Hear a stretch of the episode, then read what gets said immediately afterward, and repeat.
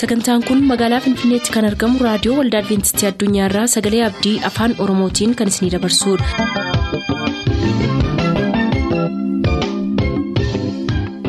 harka fuuni akkam jirtu dhaggeeffattoota keenya nagaan waaqayyoo bakka jirtan hundaati isiniif haa baay'atu jechaa sagantaan nuti har'a qabannee isiniif dhiyaannu sagantaa dhuga ba'umsaaf sagalee waaqayyoo ta'a gara sagantaa dhuga ba'umsaatti haa dabarru.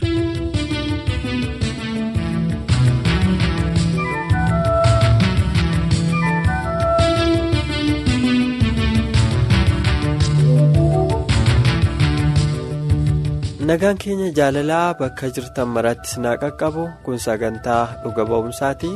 Torban darbe obbo Taaddaseen muuxannoo waa'ee afaan haaraa dubbachuu ilaalchisee akkasumas ilaalcha seera waaqayyoo irratti qaban ilaalchisee dhuga ba'umsa hedduu dhugaa nuuf ba'aa turaniiru. Sababii yeroof garuu guutummaa isaa itti fufuu waan hin dandeenyeef adda kunnee turre. harragaa kunoo dhuga ba'umsa isaanii isa dhumaa isiniif qabannee jirra isinis nu waliin turaattiin eebbifama.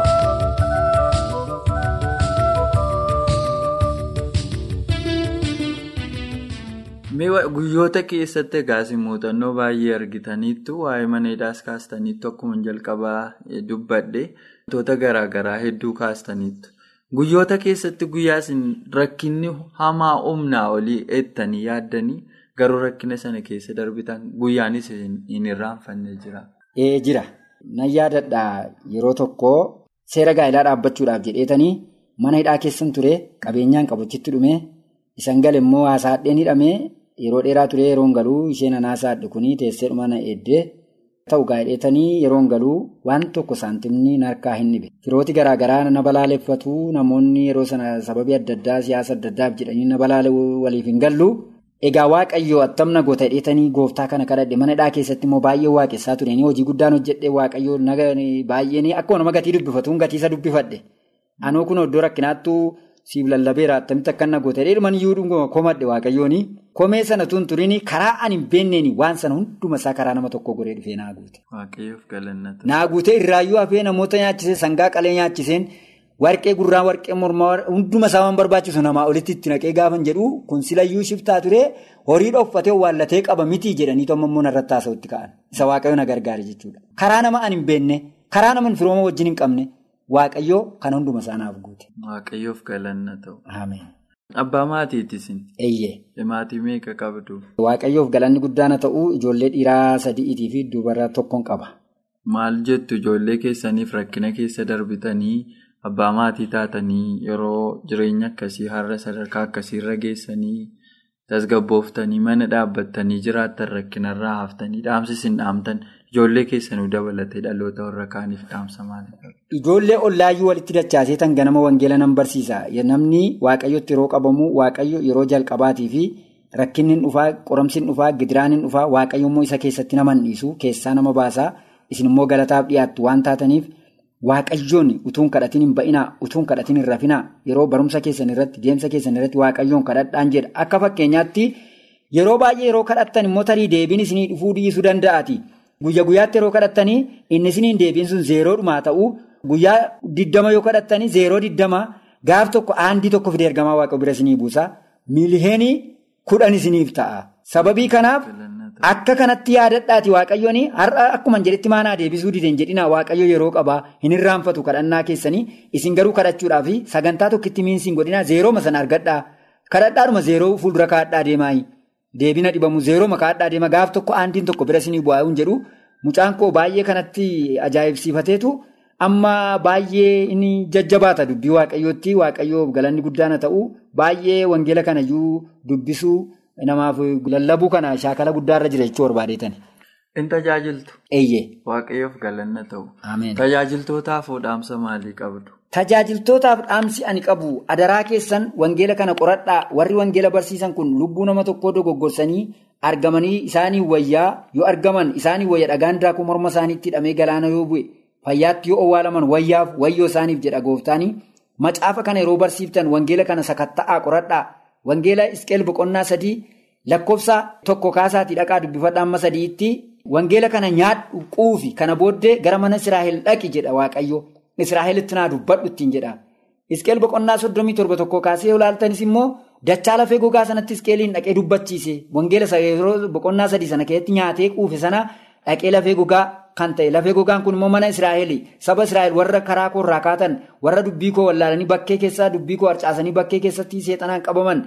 Isaan kanaadha lafee gogaan ati argitu. Yaa isqeel jedhee akka waaqatti dubbatu hubadhaatii yeroo barsiiftan dura wangeela qoradhaa. Yoo wangeelli sun waan wangeelli jedhu waan wangeelarra jiru waan dubbii waaqayyo wangeelarra jiru hubachiisaa. Seera waaqayyoo cabsitanii barsiiftanii dubbii waaqayyoo cabsitanii seera waaqayyoo irra dabartanii barsiiftanii sabi sun immoo dhuguma isaanii waaqarraa dhaga'anii natti jedhanii tarii ennaa lubbuun sun utuu qalbiin didiratiin du'e iddoo isaaniitti isin gaafachiisa waaqayyo jedheetanii yaada dhaamsa akkasii dhaamaafan. Waaqayyo isin haa eebbisu jalqabuma gaa akka isin ittiin gara dhugaa kanaa dhuftan kan isin ittiin natti himtanii waan dubbiftan irraa gaaffiin isinitti ka'ee gaaffii sana immoo deebii namoota gaafattanii deebii waan dhibeef. ejjennoo keessan akka jabeessitan natti himtan. Mee amma waldoota biyya lafaa irratti jiran kana keessaa namni dubbisuu hin dandeenye muraasa keessumattuu dhalooti hamma dhaloota hamma ta'e dubbisuu danda'udha. Amantootas haa ta'u kanneen kan biraas haa ta'u tajaajiltootas haa ta'u tajaajiltoota hin dubbifneef waa hin qoranneef dhaamsa maalii qaba? Ani tajaajiltoota waa qorachuu hin dandeenyeef dubbisuu hin dandeenye kanaanii utuu calluma jedhanii taa'anii. Dura wangeela kana hubatanii, wangeela kana baranii, wangeela kana gadi fageenyaan utuu sirriitti qoratanii, hubatanii, adda baafatanii yoo kana hin danda'an ta'e immoo lafa karaa dhugaadhaaf daandii dhugaa isa ta'e kana karaa dhugaa kanatti deebi'anii tajaajilamanii gaariidha. Qooda kana hojjetan jedheetan dhaamsa dhaamuufii barbaada. Waaqayyo guddaa isin haa eebbisu. Tarii dhumarratti waan inni hambifadhu ishee kanan dubbatinii hin darbu jettan maal qabdu toon isin hin xumursiisin. Kanan dubbatin hin darbu kanan jedhu. Lubbuun kamiyyuu wangeelli kun raagaadha. Mootummaan iyyuu nama seeraa feerasaa fidala tokko irra darbee utuu na dabin hin dhiisu. Waaqayyo immoo wangeela kana biyya lafaarratti caafuunsaa caafee lafarra kaa'uunsaa namni wangeela kana qoratee hubatee akka wangeela kanaatti na duuka habuu jedhee fidee kaa'e dhiiga baay'eetiin caafame wangeelli kun wareegama lubbuu baay'eetiin caafamee bira ga'e gatii ta'eefi isa caafamee jiru kana immoo irraan hir'isinaa ittis hin dabalinaa fidala tokko irraas hin hir'isinaa jedha gatii ta'eef wangeela kana qoratanii akka wangeelli kun jedhutti qalbii isaanii hajijjiirratanii dogoggorarra warri jiranis akka wangeela sanaatti of asirreessa wangeela kanaanii oduudhaan jette jetteedhaan utuu hin ta'inii jedheen dhaamsa dabarsuufii barbaada. Gooftaan baay'isee isin haa eebbisu tarii yeroo dhumaatii fi egaa amma yeroon kun yeroo itti gooftaan yesus deebi'ee dhufuu jala ga'eedha. Namoonni caalmaattuu akka isaan deebi'ee dhufuu gooftaa isa lammataa kanaaf of qopheessanii fi yeroo akkasii keessa hojii wangeelaatti makamtanii rakkinnis jiraatu gammachuunis jiraatu hojii waaqayyootti makamuu danda'uu keessaniif jaallachuu keessaniif baay'een isin galateeffadha. Erga yesus deebi'een dhufa ta'e dhiyootti yeroo yesus dhufu utuu carraa jalqaba waasa gaafachuu argattanii waan gaafattan qabdu maal jaatu?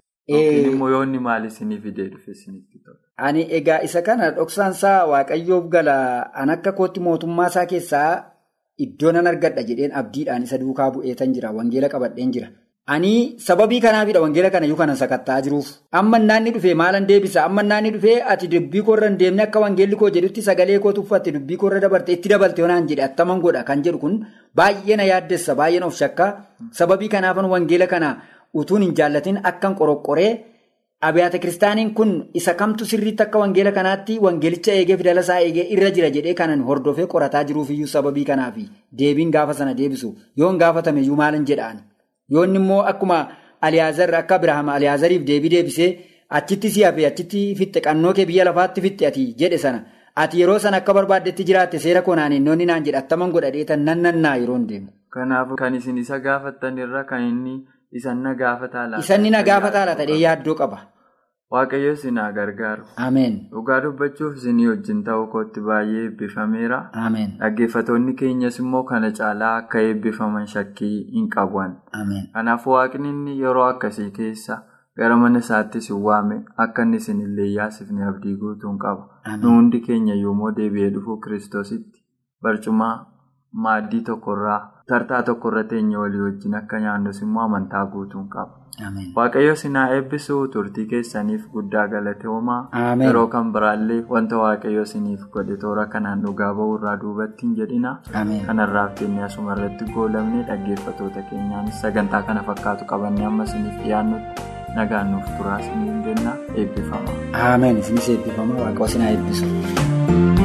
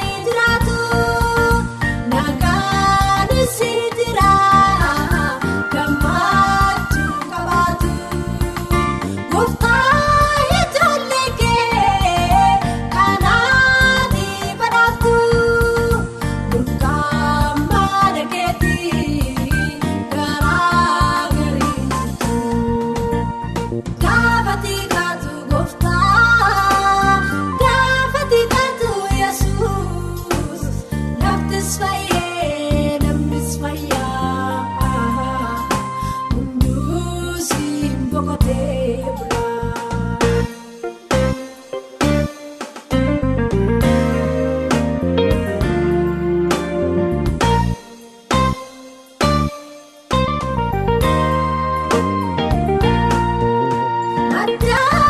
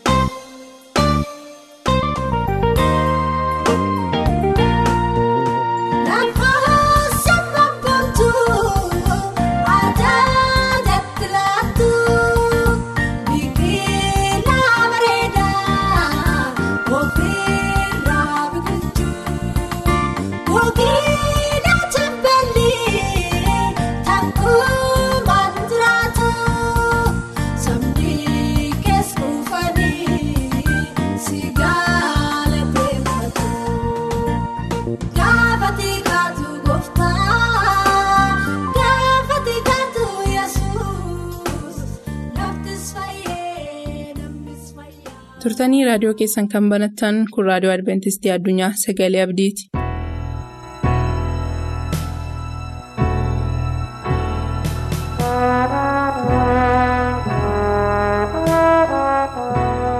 kabajamtoota dhaggeeffattoota keenyaa attam jirtu nagaan keenya lafa lafa jirtanitti isinii wajjin haa ta'u araarra waaqayyoos isiniif haa baay'atu yeroo kana dhaggeeffattoota har'a kan wajjin ilaallu dubbii waaqayyoo kan jedhu ayyaanaan fayyuuf abboommii gu'eedha mee gara dubbii waaqayyoo kanatti tun seeniin hafuura qulqulluu akka nu wajjin ta'uuf haa kadhannu waaqayyo abbaa keenyaa waaqa israa'el.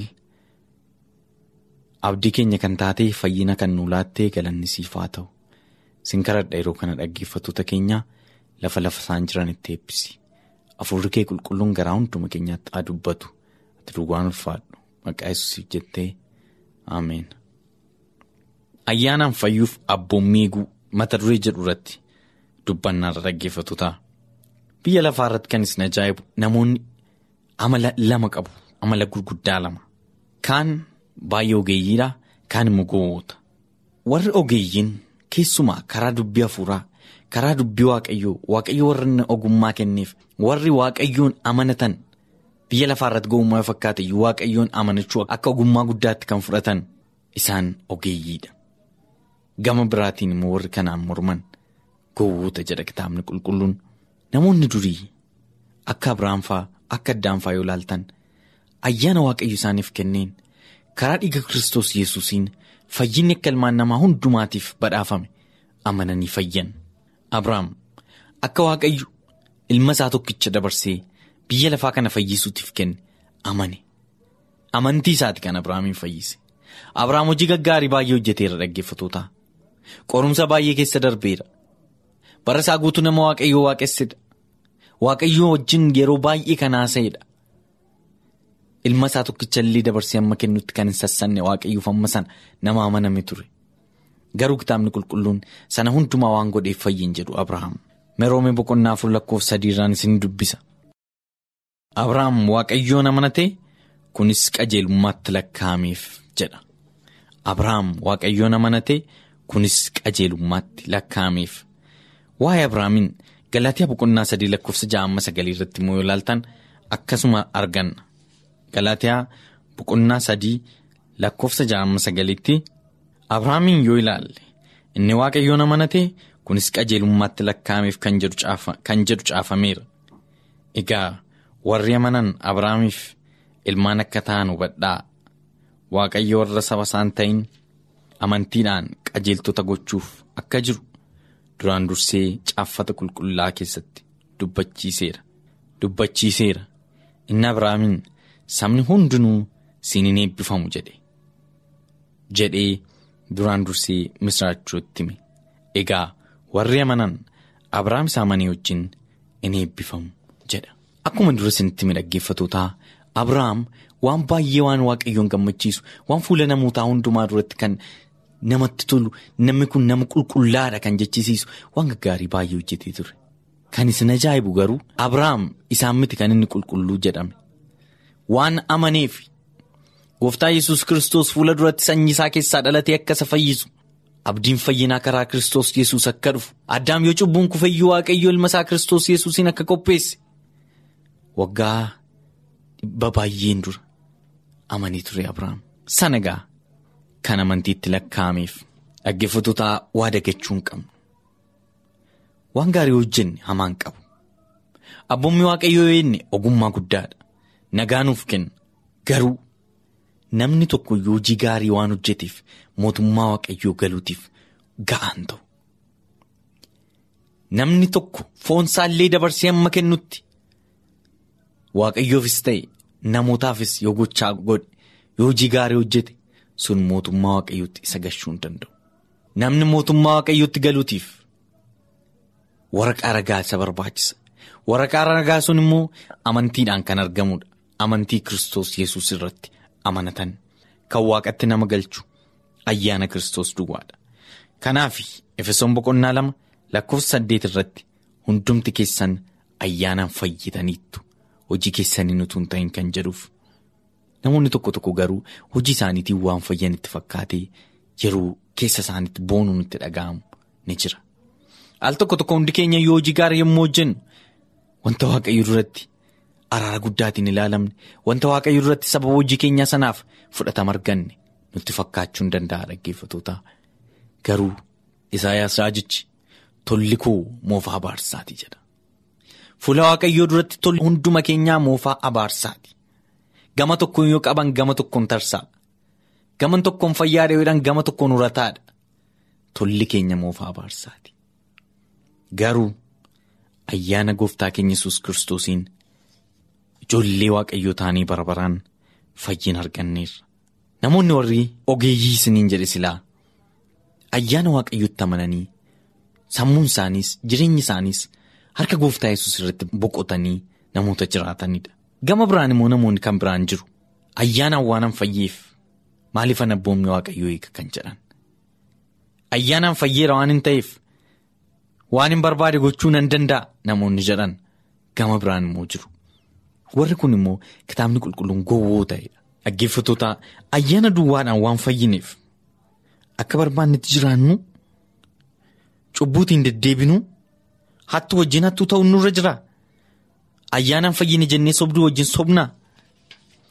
Ayyaanaan fayyine jennee gaarummaa waaqayyo nuuf oole?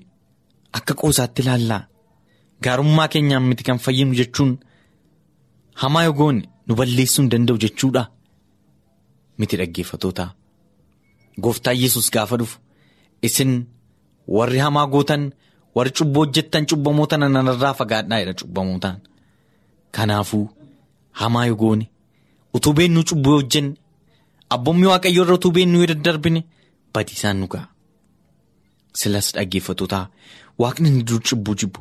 Har'a cubbuu jaallate har'a jijjiirame inni gooftaan ajajamuun aarsaa dhiyeessuu irra caala jedhe sun. Har'a nafee. Gonkumaa nafne. Saamu'eel isa duraa boqonnaa kudha shan lakkoofsa 22 irratti saamu'eel mooticha saawoliin ajajamuun aarsaa dhiyeessuu irra baay'ee caala jedhe waaqayyo har'as sanatti amana. Meeqa gaaffiin isin gaafadha dhaggeeffattoota. Waaqayyo isa bara musee gadi ejja jibbaa har'a. Isa immoo gooftaan lafarra turee gadi. Walii koo abbaa manaaf haadha manaan jibbaa waaqayyoo har'a. Sanbanni waaqayyoo isa durii caalaa har'a? Sanbanni waaqayyoo amma durii har'a qulqulluu miti? Akkaataan uffata dur nama leeyyaasisu har'a waaqayyoo eeyyameera gonkumaa waaqayyo har'as waaquma cubbuunis har'as cubbuudhuma raajicha milkiyaas boqonnaa sadii lakkoofsa jaha irratti waaqayyo akkana jedha ani waaqayyo waanan ta'eef hin geeddaramu kanaaf yaa ilmaan yaaqoob isin raawwattanii hin banne jedha. Ani waaqayyo waanan ta'eef hin geeddaramu. Waaqayyoonni bara musee cubbuu jibbu har'a cubbuun jaallatu. Waaqayyoonni bara musee ejja jibbu har'a ejjan jaallatu. Waaqayyoonni bara musee hin hatin jedhu har'a hatin jedhu. Waaqayyo har'as boris bara baraan sanuma. Ayyaanaan fayyinee inni abbummi waaqayyoo irra daddarbuutiif heeyyama waan arganne nutti fakkaate harka seexanaa keessa jiraachuu keenya hubachuun nurra jira. Ayyaanni waaqayyoo dhaggeeffatotaa cubbuu irratti moomsa nuuf kennuu danda'a. Ayyaanni waaqayyoo inni ittiin fayyine sun moomsa irratti moomsa nuuf kenna. Dhuma irratti roomii boqonnaa jaha lakkoofsa tokko amma afuritti isinii dubbiseen sagantaa keenyaa irraa xumurra. Egaa ayyaanni waaqayyoo akka baay'atuuf cubbuutu jiraachuu itti fufnaaree kummatumaan ta'u nuyi warri cubbuu jalaa duune si'achi attamitti cubbuu jala jiraannaree yookiis nuyi warri kiristoos isatti dabalamuudhaaf cuuphamne du'a isaatiinis isatti dabalamuudhaaf. Akka cuuphamne hin wallaaltaniiree ni cuuphaadhaan du'a isaatti isatti dabalamnee isaa wajjin awwaalamneerra. Kiristoos humna abbaasaa ulfina qabeessaan warra du'an keessaa akkuma kaafame nus immoo jireenya haaraatiin hin jiraanna jedha. Paawulos ayyaanaan fayyuu namoota baay'eef kan lallabedha. Fayyinni Kiristoos yesus duwwaa dheedhee namoota baay'ee. Gara ulaa waaqayyoo isa gurraamitti nama agarsiisedha. Garuu isumatu haadha immoo addana irratti roomii boqonnaa jaha keessatti ayyaanaan fayyineerra jennee cubbuutti fufnuuree gonkumaa nu yesusii wajjin erga duune isaa wajjin immoo nama haaraa ta'anii jiraanna malee cubbuutti hin jiraannu deebinee jedha. Dhaggeeffatootaa cubbuun nama balleessa. Ayyaanaan fayyuun cubbuuf eeyyama argachuu jechuu miti. Garuu cubbuu irratti kan moomsa namaaf kennu humnaaf jabina fuula qulqulluu. Ayyaana waaqayyooti. Ayyaana isaa jalaa deddeebinee cubbuu keenya moonee akka isaa wajjin mootummaa isaa dhaalluuf gooftaan nu gargaaru. Sagantaa keenyatti akka gammaddan abdachaa har'aaf kan jenne xumurreerra. Bor sagantaa faarfannaa qabannee isiniif dhiyaanna beellama keessaan nu waliin godhadhaa jechaa nuuf bilbiluu kan barbaaddan lakkoofsa bilbila keenyaa Duwwaa 11 551 11 99 Duwwaa 11 551 11 99 nuuf barreessuu kan barbaadaniif ammoo lakkoofsa saanduqa poostaa 45 Finfinnee lakkoofsa saanduqa poostaa 45 Finfinnee qopheessitoonni sagalee abdii waliin ta'uun nagaatti isiniin jenna.